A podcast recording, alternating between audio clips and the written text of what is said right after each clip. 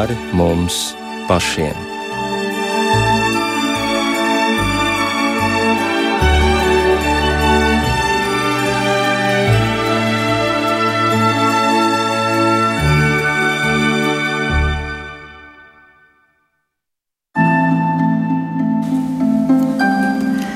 Esiet sveicināti rādījumā pāri mums pašiem, lai ir slavēts Jēzus Kristus. Studijā Inte Zēgnere par skanējumu rūpējas Rita Karnača, turpinās gavēņa laiks, un jā, iepriekšējā nedēļā mēs runājām par garīgas augšanas un arī attīrīšanās nozīmi, ierobežojot ēšanas paradumus, tad šajā vakarā nolēmām pievērsties klusuma nozīmei un klusumu pieredzei. Un mūsu viesi šovakar ir Ādažu evaņģēliski luteriskās draudzes mācītājs Baltazarā un Cernikavā Ivars Jēkabsons. Labvakar! Labvakar! Un arī tavs novadnieks no Ādažiem Garkalnes evaņģēliskās luteriskās draudzes mācītājs un arī mūziķis Aigars Vančenko. Labvakar! Abi kopā jūs esat īstenojuši kādu neparastu projektu, klusuma sirdspūksti, kas ir elektroniskā mūzika savienota ar vārdiem, garīgam ceļojumam, šajā lēnajā laikā, tātad savienot ar pārdomām un ar lūkšanām. Un arī par to mēs runāsim, bet sāksim ar šo klusuma pieredzi. Kas īsti ir klusuma pieredze un kāds ar klusumu var sastapties ar Dievu? Ivar, tev ir ļoti liela pieredze un arī tā kā mēs ļoti ilgu laiku esam pazīstami, tāpēc atļaujos uh, lietot šo uzrunas formu tu, lai arī nemulsinātu šajā vakarā.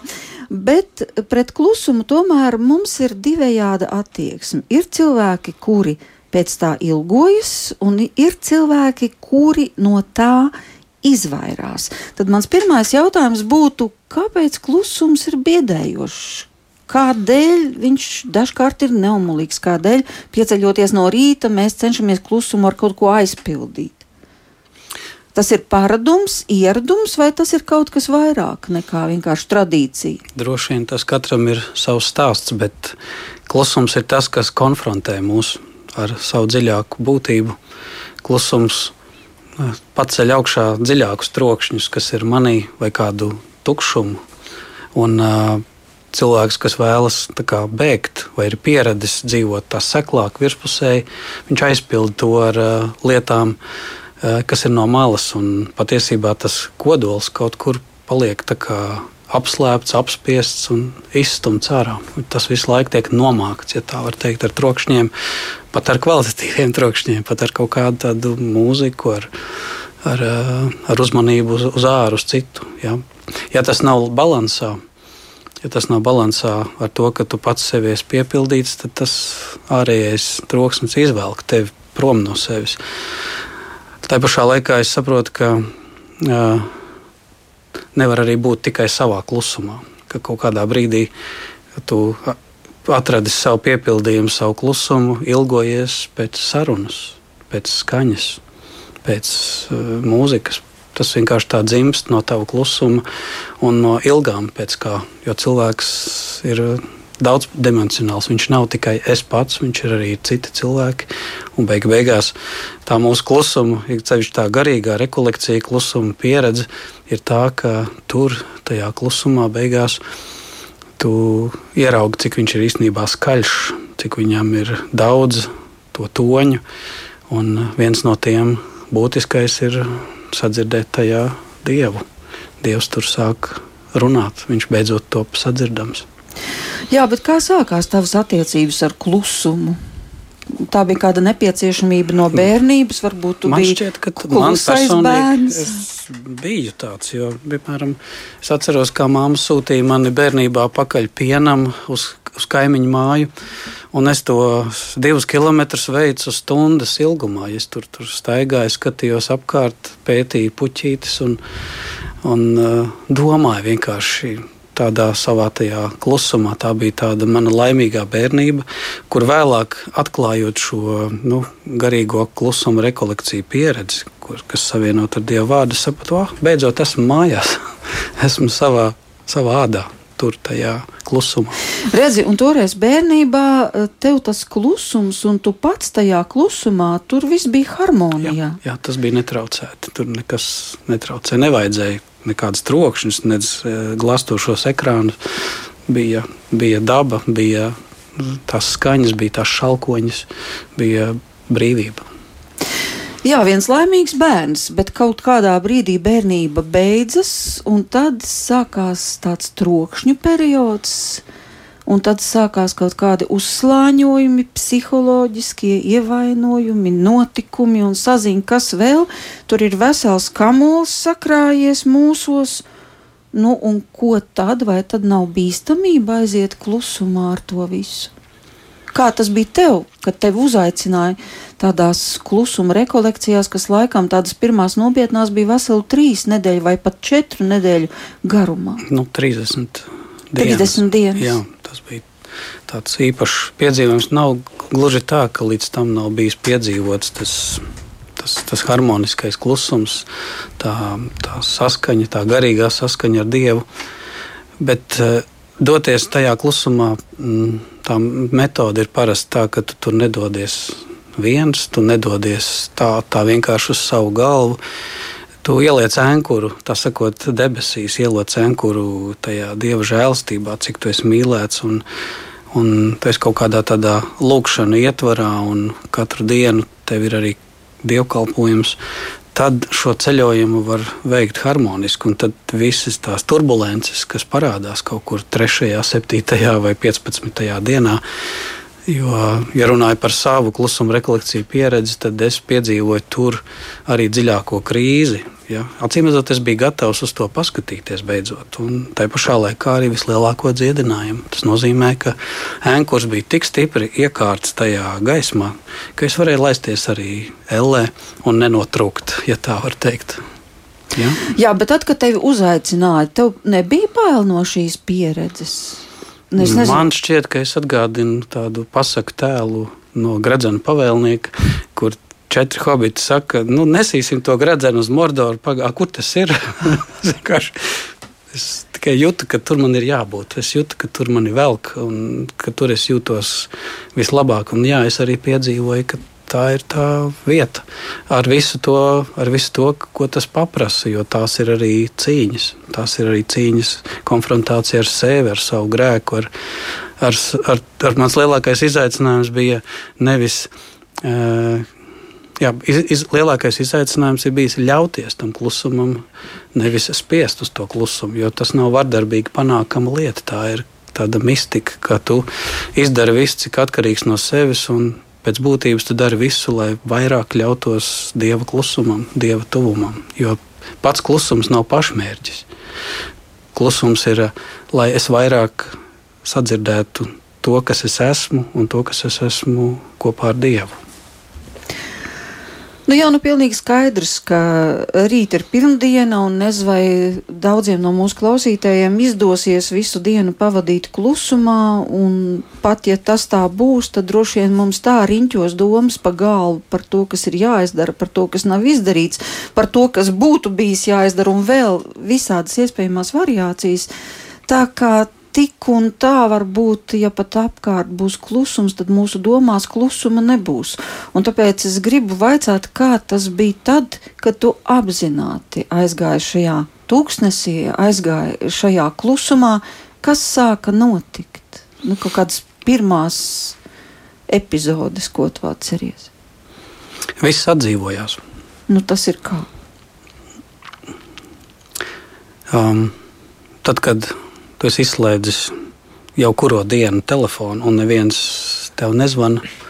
Tad, kad tev nav vairs rūpes un raizes, ko es ēdīšu, bet viss tas laiks ir sakot, nokārtots, kur tu esi brīvs, tad sākas tāds interesants, svēts lidojums, kurā tu vari, kā, varētu teikt, aprakstīt kā tādu zemūdeni. Tu laidies lēnām dziļumā tajā Un, uh, tur es redzu, ka mazākās kustības debesīs, putnu kustībā, ziedi, visa daba atdzīvojas kā tādā paradīzē, kurā ir klātesošs dievs, un viņš sāk runāt caur to. Tā nav vairs tikai tāda filozofiska apbrīnošana, cik brīnišķīgi dievs visu radījis. Mm. Tas drīzāk ir tāda izjusta, mistiska, dievišķa klātbūtne visā, visā kas, kas notiek. Un, uh, es pārsteigts biju par to, ka ar laiku, ejot šo klusumu, um, visi notikumi kļuva zīmīgi. Visi sāka, visi sāka runāt. Neviena tikšanās vairs nebija nejauša, neviens notikums vairs nebija tāpat vien. Tas viss iegāja kā tāds materiāls, kā barojošs materiāls tajā manā ceļojumā. Jo nu, nu, tas tā pieredze, ko es raksturoju kā savu tā saucamā svētā Ignācija garīgo vingrinājumu pieredzi, viņa jau nav bezsaturiska. Tur ir uh, iet cauri dažādu nedēļu tematiem, tur ir dievu vārdu temati. Tas ir tāds skaļš klusums, un klusums patiesībā ir mērķis izslēgt lieko, lai koncentrētos uz galveno. Tas nozīmē, ka notiek lasīšana, vienkārši notiek dievu vārdu Jā. lasīšana, mm -hmm. bet arī tā notiek klusumā. Un viņa ņemot palīdzīgā tās citas metodes, nevis tikai tāda prāta lasīšana, bet tāda kontemplatīva vērošana, izjušana, tas viss kļūst daudz dziļāk. Bet vai tev nebija trauksme? Nu, piemēram, telefona nav par to, kas notiek Latvijā, tu nezini, uh, un tā tālāk, un tā joprojām. Viss, kas tev bija ierasts, pierasts, tev tiek atņemts nost, vai tad nesākās viss ar trauksmi? ka tagad tu esi ne tā kā savā šķīvī? Nu, es biju visu tā kā, cik iespējams, sakārtojis. Un, uh, es, nu, bet pieredums, es... kaut vai pie telefona pieredums, nu, ir taču jāpaskatās, nu, vai tad tiešām tas nebija vairs vilinājums? Tajā brīdī, nē, tajā brīdī bija diezgan viegli to visu atstāt. Man pat bija grūti, kad ir jāatgriežas atpakaļ tajā normālajā laikā. Es atceros, pēc kādām no tādām rekolekcijām es ienāku benzīna tankā un tur skan mūzika, reklāmas. Tas man tā griez ausīs. Es domāju, kas pat troksni, kurā mēs dzīvojam. Ikdienā es to vairs nepamanu. Viss liekas tā normāli. Bet, kad tu salīdzini ar to, to izjusto klusumu, secini, ka mēs dzīvojam piesārņotā laikā, pilns ne tikai ar starojumiem, bet ar vis visādiem trokšņiem, labi un nelabi gribētiem, bet trokšņiem, kas mūs rausta, manipulē un dzen un piepilda, pārpludina un aizslauka un baksta un stumda un rausta. Un tad tu brīnies, ka dzīve ir kļuvusi aizvien seklāka. Jā, un savukārt jums ir gluži cita droši vien pieredze, vai vismaz citādāks dzīves stāsts, jo katram no mums tas ir dažāds, un jums ir arī šī muzikālā pieredze ar elektronisko mūziku. Un tagad arī ir sākusies, ja varētu sacīt, tāda garīga koncerta turneja. Ir jau noticis e, šis klusuma sirds pukstu koncerts, jeb meditatīva stunda Ikšķilas baznīcā 11. martā, tagad 18. martā skanēs mūzika ar dievu vārdu arī dubultu baznīcā. Par to mēs runāsim, bet vispirms es aicinu ieklausīties mūzikā, ko jūs esat radījis ar elektronikas palīdzību, un šī opusa nosaukums ir Tavā tuvumā.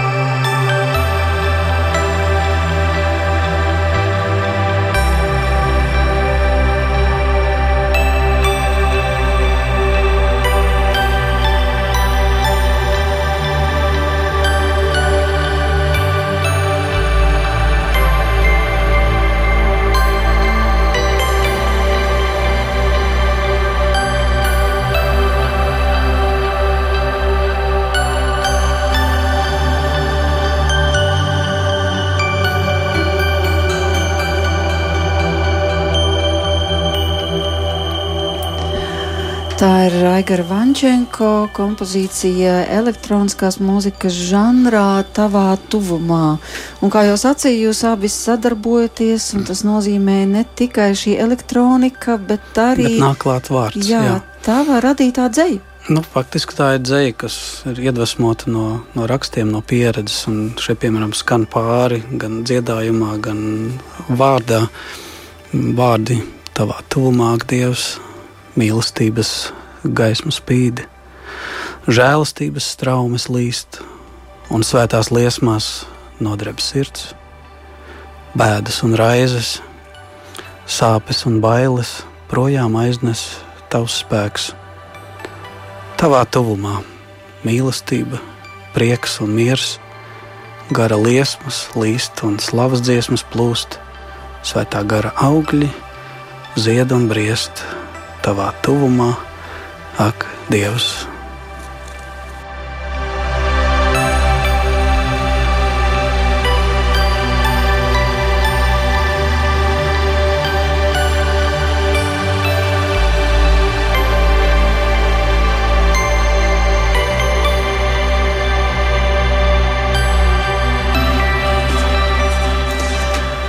Klausoties šodien šo mūziku, es skatījos pa logu debesīs, redzēju, kā lido putni, un es sapratu, cik vienreizēji šīs skaņas kaut kā savijas ar visu to, kas notiek gaisos, ar kaut kādiem pavasara vējiem, ar šo putnu lidojumu, tāda bezgalības sajūta. Bet, Aigar, kā jūs nonācāt gan pie savas draudzes, kā jūs kļuvāt par mācītāju? Gan arī kādas ir jūsu attiecības ar mūziku? Par mācītāju es kļuvu aicinājuma rezultātā, ko saņēmu no dažādiem cilvēkiem, impulsiem. Mm -hmm. Jā, Dievs deva šo aicinājumu, kuru es ļoti ilgi pārdomāju, tādā patiesā bībā, šī vārda visciešākā nozīmē. Un, uh, tad, kad ilgāku laiku Dievs man klauvē pie manas dzīves durvīm, pie sirds durvīm, aicinādams kļūt par to, kas es tagad esmu, es tādā, var teikt, uh,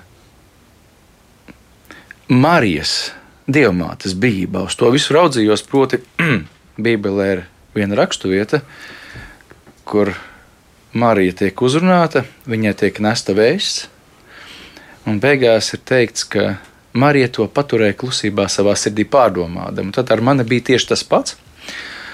Un, jā, vispirms jau, protams, es kļuvu par kristieti. Un tā iepriekšējā dzīve, kāda man bija bijusi, runājot par trokšņiem, viņa bija nenormāli trokšņaina. Bet ar ko tas bija saistīts? Jūs bijāt DJs vai jūs bijāt mūziķis kādā ansamblī? Es biju DJs, bet uh, visam vienmēr apakšā ir kaut kas, kā Ivars arī pieminēja, ka nekas nav tāpat. Aiz tā visa kaut kas ir. Un arī manā dzīvē bija noteikta dzīves pieredze, kad es vienus iekšējos trokšņus mēģināju apslāpēt ar citiem trokšņiem. Un, uh, tas radīja vēlmi, protams, kaut kā izpausties arī muzikāli, jo man muzikāli Dievs ir devis šo dāvanu darboties. Esmu arī mūzikas skolu savulaik pabeidzis, tāpēc tas vēl jo vairāk deva tādu impulsu. Un, eh, protams, eh, es sevi atradu elektroniskajā mūzikā. Tā bija mana niša, un joprojām tā ir.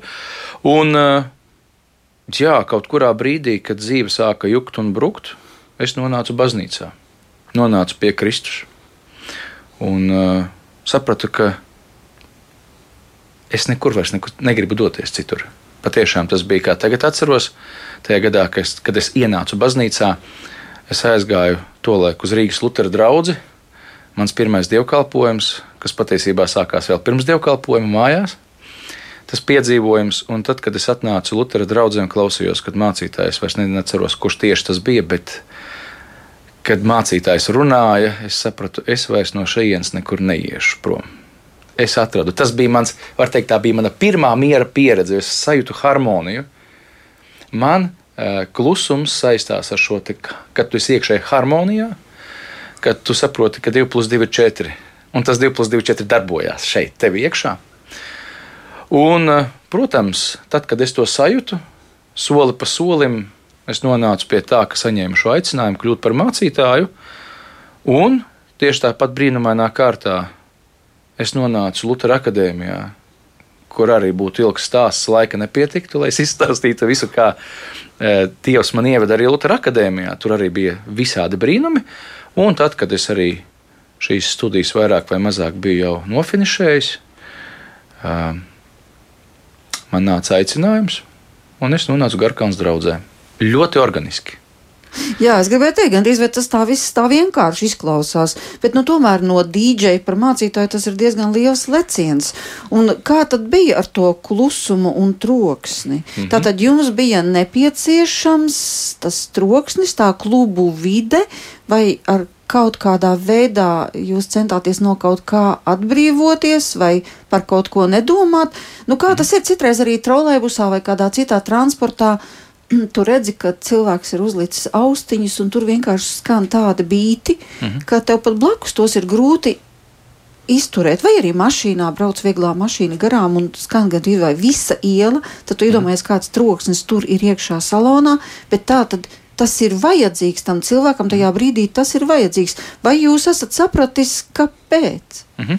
Patiesībā tur ir daudzi faktori, bet viens, manuprāt, tāds būtiskākais ir tas ir kliedziens palīdzībā. To varbūt daudz neaizdomājas, bet skaļas mūzikas atskaņošana, dinamiskas, agresīvas mūzikas atskaņošana apakšā ir palīdziet man. Es esmu vientuļš, man sāp, man ir izmisums, man ir apjukums. Un tad, kad mēs dzirdam visas šīs skaļās automašīnas un visu pārējo, mēs saprotam, ka tajā cilvēkā ir iekša, iekšēja disonance, kas viņu plosa. Viņš pats, viņš nespēja atrast savu vietu.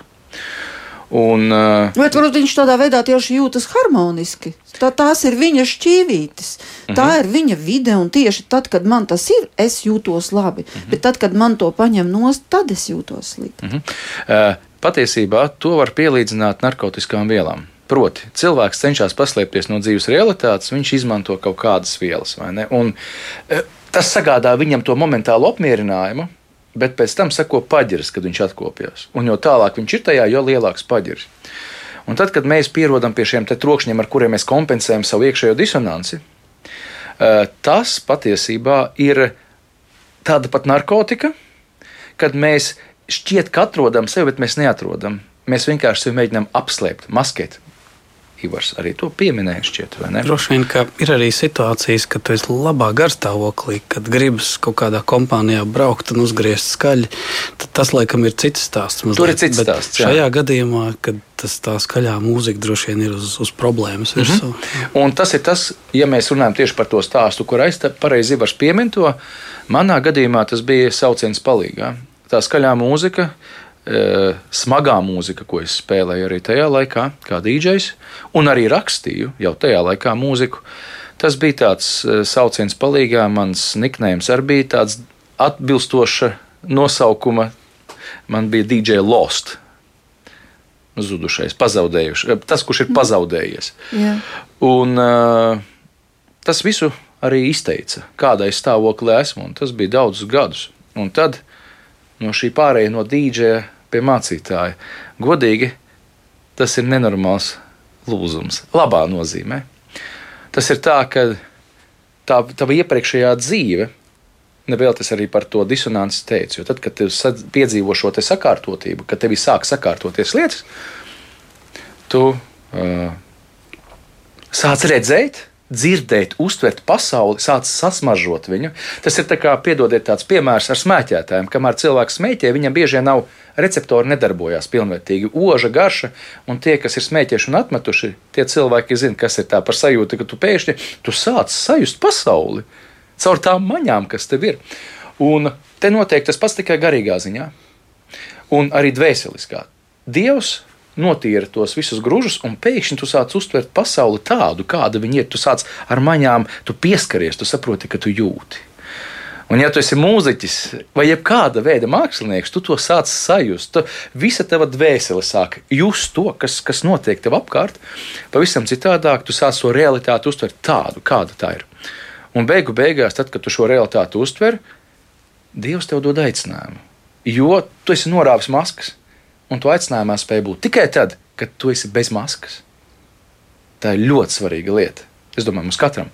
Dievs norāva manas maskas, viņš lika man kļūt tādam, kāds es esmu.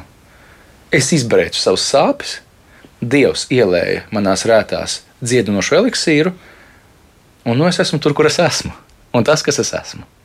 Tātad jums nebija vairs nekāda vajadzība turpināt DJ praksa klubos, jūs vairs tas pēkšņi nesaistīja? Uh, nē, pati dīdžejošana un muzicēšana man joprojām, kā jau jūs saprotat, interesē, un ik pa laikam es arī uzspēlēju mūziku. Bet mani tas vairs nesaistīja tādā kontekstā, kā tas bija līdz šim, proti, klubi, alkohols, nu tāda. Tā vide. Jā, vide, kura tevi piedrazo. Tagad es to daru, bet ar tādu tīrības sajūtu. Tagad jūs to darat baznīcā. Jo es esmu redzējusi, tiešām, ka ir arī elektroniskās mūzikas dievkalpojumi, tātad, kur Ivars Jēkabsons piedalās ar dievu vārdu, arī dziedot, un jūs ar visu savu elektronikas aparatūru, un to var arī redzēt šķiet Baltazar baznīcas mājaslapā. lapā Vai tik tas Facebook nebija un YouTube 12, kanālos, jā. jā, vai tik tas nebija paša decembra nogales dievkalpojums bija pat ar visām vecgada- eglītēm un rotājumiem? vakars, jā, Vecgada vakars, un tur vesela liela izvērta jūsu programma. Kā līdz tam jūs nonācāt par šo kopsadarbību, un ko jūs vēlaties pateikt ar šiem klusuma Es sirdspukstiem? pazīstams Aigaru, drusku zinādams, es nezināju, ka viņš tā sakot, tur savā mazajā kambarītī raksta. Un Aigars atnāca. Raksta mūziku? Jā, jā, un viņš atnāca un teica, "Pa- paklau, ko lai es daru ar to visu? Varbūt tev ir kāda ideja. Izklāja man 15, 16 skaņdarbus un vēl tur rezervē. Un es sākumā, ja godīgi pavīpsnāju, es domāju, nu jā, kaut kāda elektroniskā mūzika, kaut kāda tāda. Nu labi. Es um, saliku iekšā datu nesējā, un kad man bija garš pārbrauciens, tur liepāja atpakaļ, un vēl es tā klausījos cauri. Un es sapratu, labi, viena bija. Ja es būtu tā nu, pabakstījis, pašķirstījis, tur es, es nebūtu saklausījis. Bet es saprotu, ka pēc otrās stundas eh, ievelk tas viss, un, un trešajā stundā man sāk nākt teksts pie attiecīga skaņdarba. Es saprotu, tad, tad tāds wow moments man notika, un es sapratu, te kaut kas ir. Un tad man dzīvesbiedra Marta, viņa saka, "Ā, varbūt tas noder baznīcā. Un tālāk jau Aigara versija jājautā, kā, kā tu nonāci līdz šajienai, kā tu tur tajā otrā pusē jūties. Jo pēkšņi es biju atvērts kaut kam tam, ko savā mūžā es nebūtu iedomājies, kā es te nokļuvu.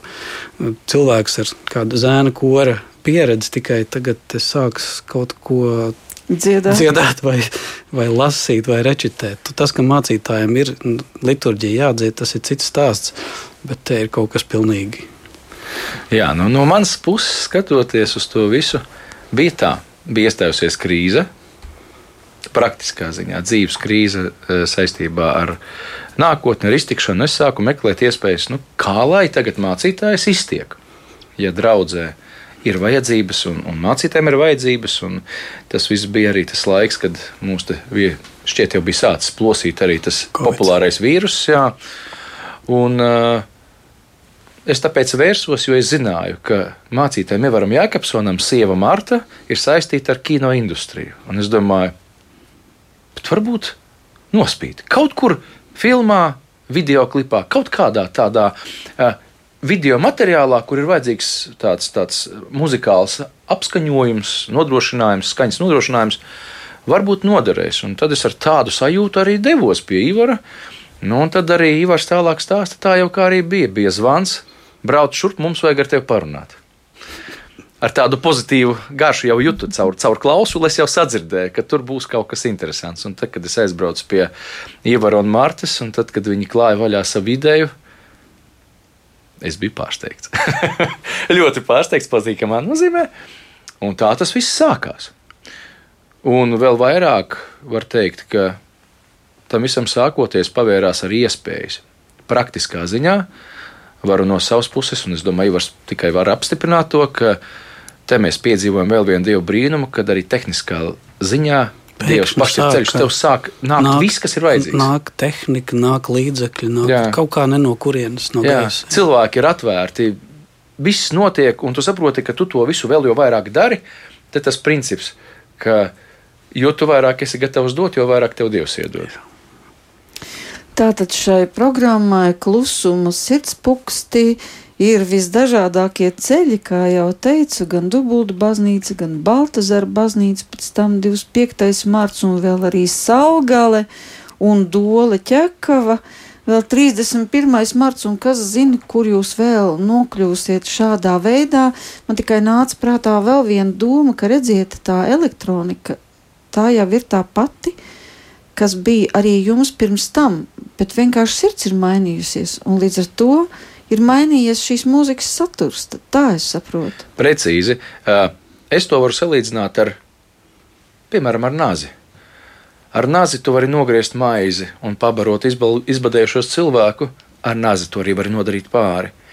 Es no šī nogalinošā, ievainošā naža bija nonācis pie tā, ka senās beidzot spēja nogriezt maizi, uzsmērēt sviestu un vēl desiņu virsū uzgriezt. Gabeņu laikam īsti piemērots. un, un vēl pabarot Cik tur tos? Jā, precīzi. Ja vēl cerams, tūkstošus.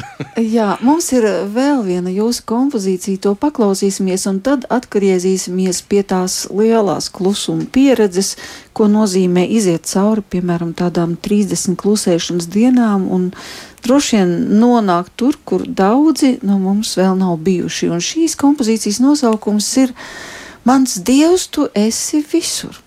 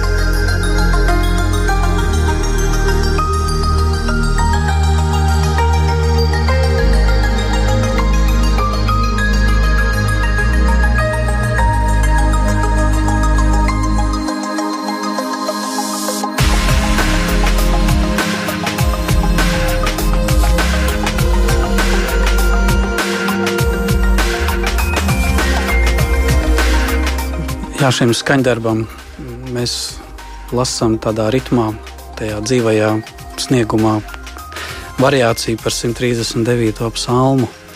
Tā ir tāda klusuma un tāda nakts pieredze, kad arī Dievs ir diezgan tuvu. Proti, naktī sapņoju par tevi, kad pamostos, redzi tu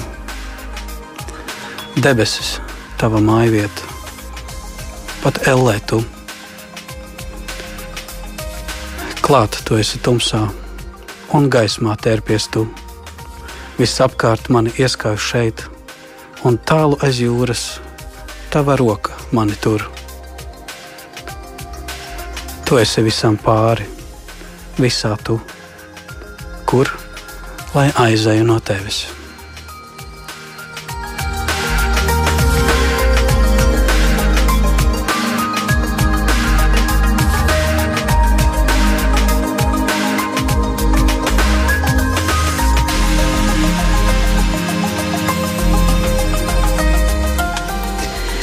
Angel Beats, tā jūs esat nosaukuši savu radošo savienību, bet, kā jūs sacījāt, atgriezīsimies Ivar pie šīs tavas pieredzes, ka tu nokļuvi pilnīgā klusumā, mūzikas tur nebija, bija bībele, bija iespēja lasīt dievu vārdu, bija kāds padomdevējs vai mentors, jo savādāk droši vien ar tādu zemūdeni dziļi savas apziņas dzīlēs laisties vienam pašam nemaz nedrīkst, Bet tu sacīji, ka bija arī tās turbulences.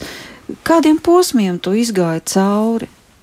Nu, respektīvi, nu, kā mēs varam kaut mazliet pietuvināties tai attīrošajai, labajai lietai, ko sniedz klusums, nenodarot sev pāri. Tātad, kas es, īsti tur notiek? Es ticu, ka šī ir tāda ekstra, kas varbūt ir vajadzīga kaut kādā brīdī, kā tāds mūža ieguldījums, kaut kad vienreiz mūžā vai divreiz ja var to atļauties, tas ir fantastiski. Ja, tas ir savulaik lietots kā instruments cilvēkiem. Apzināties savu lielo aicinājumu, pa kuru ceļu iet, vai iet pa mūka, vai laulības, vai priestera ceļu, vai tam līdzīgi. Tas viss ir bijis lietots kā tāds dziļš, dziļš raciens, lai tu aizraktos līdz tai saknei, kas tu esi un kāpēc tu esi. Uh, man pēc šīs uh, rekolekcijas pieredzes bija tas, ka Tas man palīdzēja apstiprināt no jauna, ka es esmu uz ceļa, jo es jau biju garīdznieks, un es tikai no jauna apstiprinājumu guvu tam, ka es esmu uz ceļa. Man tajā brīdī bija ārkārtīgi svarīgi atgūt no jauna šo pieredzi, ka Dievs tas ir nopietni, ka tas ir pa īstam. Jo man personīgi nepietiek ar to, ka vecmāmiņa teica, Dievs ir. Nu, un, Es viņu ļoti cienu, es zinu, ka viņi nemelo. Tas ir viņas pieredze. Un, man nepietiek pat, ja es Bībelē izlasu, ka tur, ko Dievs darīja. Uh, jā, man pārliecina, Jēzus bija vēsturiska persona, bet vēl aizvien paliek tāds, paga, Bet kāpēc es viņu kaut kā neredzu, nepiedzīvoju? Un man bija ļoti svarīgi jau no pašiem sākumiem, pirms vispār šādām rekolekcijām, jau 20 un 18 gadu vecumā, aizrakties līdz kaulam. Un uh, savu 40 gadu vecumā, kad es gāju šīs rekolekcijas, man bija ļoti svarīgi atkal no jauna piedzīvot. Un tur es atklāju kaut ko tādu, uh, ka Dievs man ir bijis arī tur, kur es esmu juties slikti, kur es esmu juties tālu, kur es juties bailēs un pat šaušalās. Man tad, tad atklāsme bija tā, ka, e, kur es vēlāk Bībelē ieraudzīju, jā, tajā piecgadu vecumā, kad man likās naktī tumsā kāds nāk un es biju nobijies kā diegs, domāju, kas tas tur tagad notiek. Pēc 40 gadiem es to pašu jūtot, piedzīvojot Dieva klātbūtnes tādus soļus un svētumā bijību, kas aizved līdz, kā Bībelē aprakstīts, šaušalas dievu klātbūtnē, es sapratu, ka šie notikumi ir līdzīgi.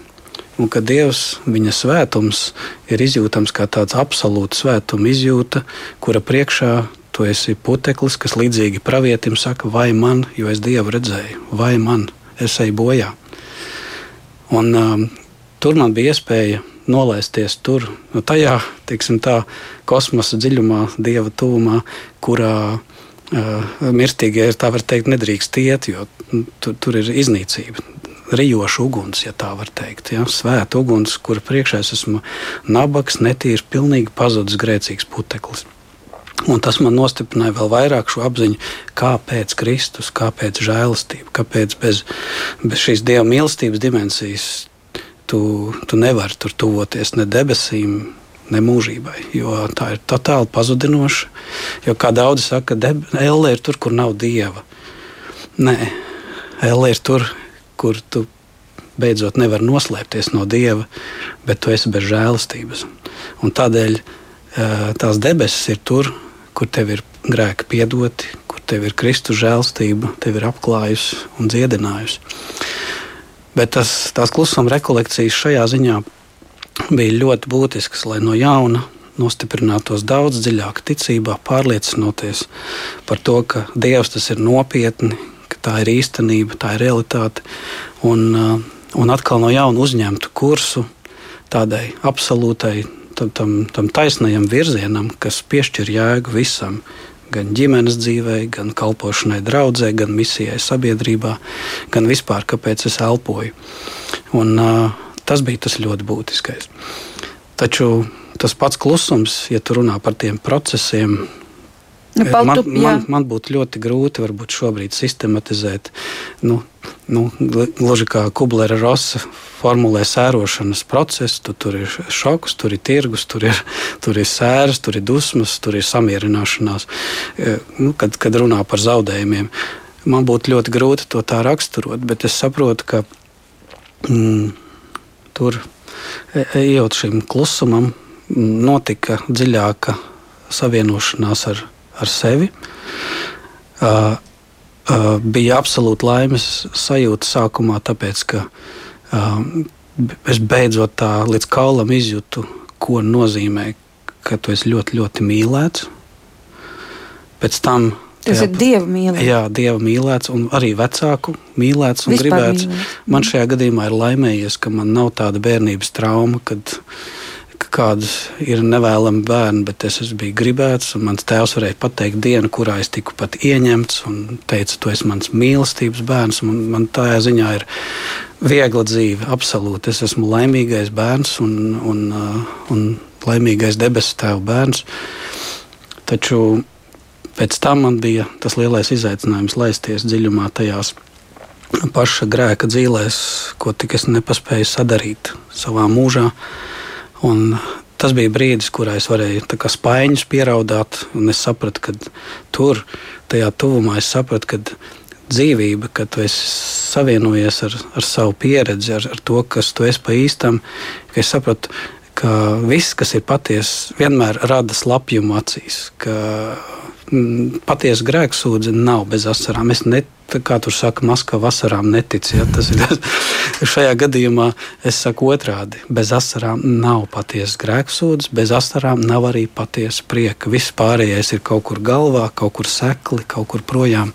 Es nevienu citu netiesāju, bet es vienkārši savā pieredzē secinu, ka tur, kur tu beidzot esi saticis sevi un dzīvo Dievu, tā ir viena vienīga raudāšana tādā labā nozīmē. Ja? Man vēlāk bija ļoti grūti noturēt dievkalpojumus, jo katru reizi pie konsekrācijas, kad es Kristus miesu laužu savā rokās, es nevarēju griezties uz draugu, man tecēja, es raudāju, es nevarēju turpināt.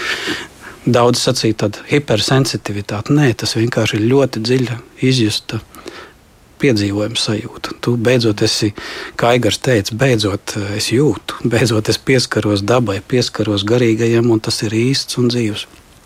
Nu, tāds tas auglis bija. Savukārt, vēlāk bija man liels izaicinājums nu, to visu iziet kopā ar Kristu un just ne tikai savu grēku nožēlu, bet sāpēt līdzi ar Jēzu. Un es sapratu, ka kaut kādā brīdī es savā aizrautībā, savā enerģiskumā ļoti iztērēju tik daudz spēka, ka gals tā kā tām rekolekcijām drusku nolūza. Man vienkārši pietrūka, pietrūka spēka. Un es saprotu to, ka dažkārt cilvēks nejūt, nedzird, tāpēc ka vienkārši ir noguris. Tu vari nogurt no laimes, tu vari nogurt no bēdām, iestāties kaut kāds panīkums, trolums. Ja? Ka šai gadījumā tur arī jāsaprot, ka nu, um, ir, ir jā, jāizrēķina savi spēki, ejot kaut kādu tādu dziļu procesu, un jāiet mierīgi rāmi, dieva vadīt, nevis dzenot un spiežot procesu. Un tādēļ vēl aizvien es, kas um, savā sirdī esmu gribējis būt uz rezultātu, uz, uz dziļumu, uz īstumu, lai man ir līdz galam, es sapratu, ka tu esi limitēts kā cilvēks, ka ir kaut kāds brīdis, līdz kuram tu tiec, bet tālāk tā ir viena vienīga dāvana viss šis īstais dzīvais klusums ir kungs, dāvā tu, ej tu pa priekšu, vadi tu. Bez tevis tā būs tikai mana kaut kāda pašsugestija, kam nebūs jēgas un nozīmes. Tā būs tāda mirkļa piedzīvojums, kurš aizies kā migla izklīdīs, un, nu, un tas arī ir viss. Bet tad, kad tas notiek dievā, tas, kas notiek dieva vadīts, tad es teiktu, tad. Um, to, to dziļāko būtību var piedzīvot ne tikai tajā specifiskā vidē, bet ja to arī ikdienā iemācies ļauties kaut mirkli, kā māte Terēze teica, kaut tāda stundiņa dienā vai kaut tās desmit minūtes dienā pavadi kvalitatīvi. Un pat tajā brīdī es sajūtu, ka tas klusums ir savs un tukšs, tas tomēr nekad nebūs veltīgs. Un, uh, varētu teikt tā, ka nav starpība, vai tu īpašā rekolekcija centrā ej, vai tādā labā vidē, laicīgā dzīvē. Uh, Dievs var iedot katram atbilstoši viņa vietai. Un tā ir tā mana otrā pieredze, ka es esmu redzējis, ka gan pie sevis, gan pavadot citus ikdienā, ka, ka Dievam ir katram, pie katra cilvēka savs veids un savs ceļš, kā šo, varētu teikt, to kvalitatīvo attiecību dziļumu un klusumu dāvinātu.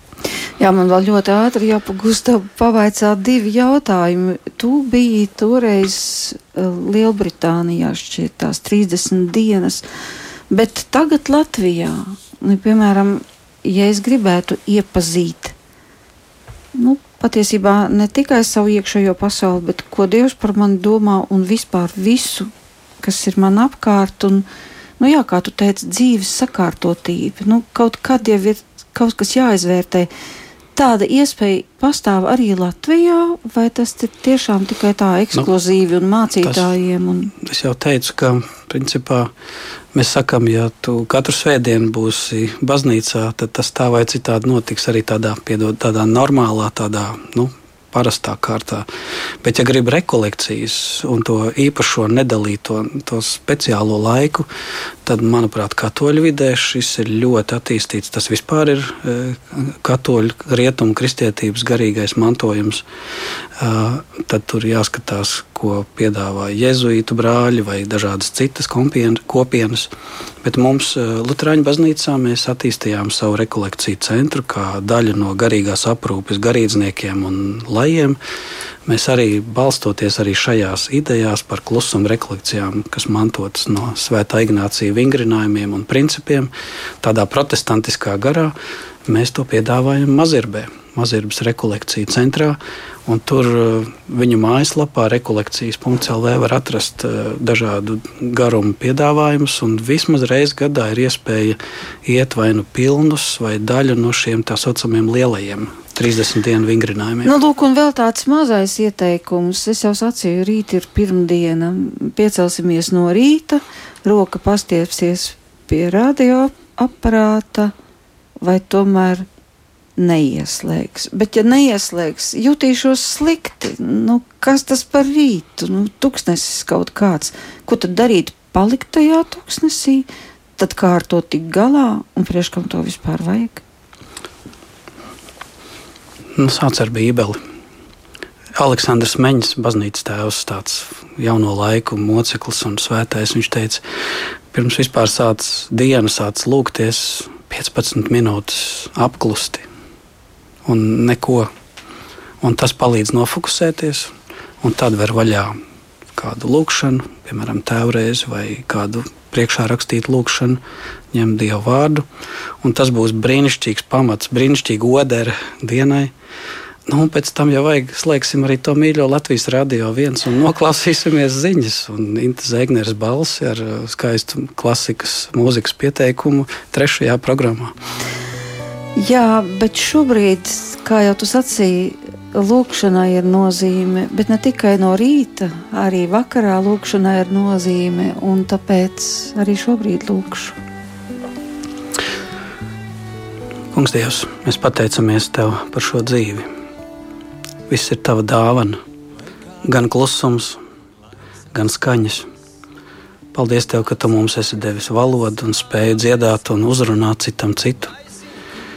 Mēs apzināmies to, ka viss ir arī piesārņots. Grēks ir daudz ko samaitājis un dzīves padarījis par, par bezjēdzīgu, tukšu troksni.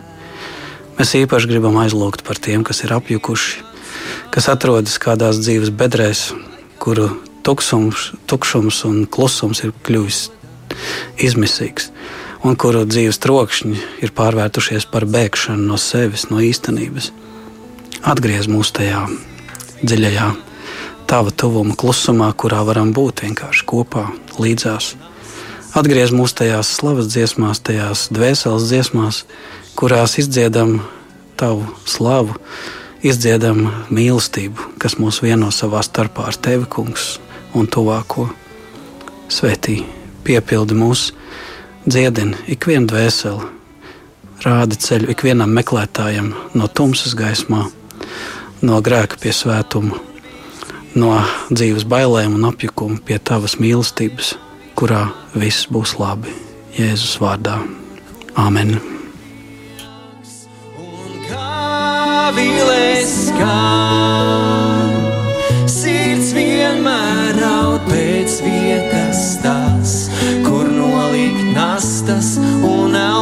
sākt. Vai mājas tev šeit, vai tur augšu, kur paceļās tavs skats.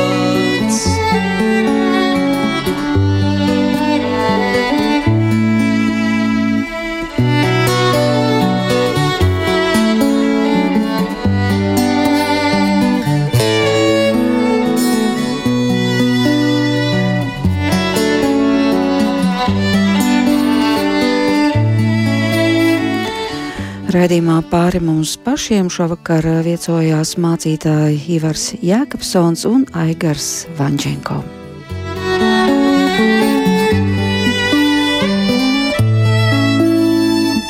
Sirds vienmēr raud pēc vietas tās, kur nolikt nastas un elpot sākt. Vai mājās tev šeit, vai tur augšu, kur paceļās tavs skats. Sirds vienmēr raud pēc vietas tās, kur nolikt nastas un elpot sākt. Vai mājās tev šeit, vai tur augšu, kur paceļās tavs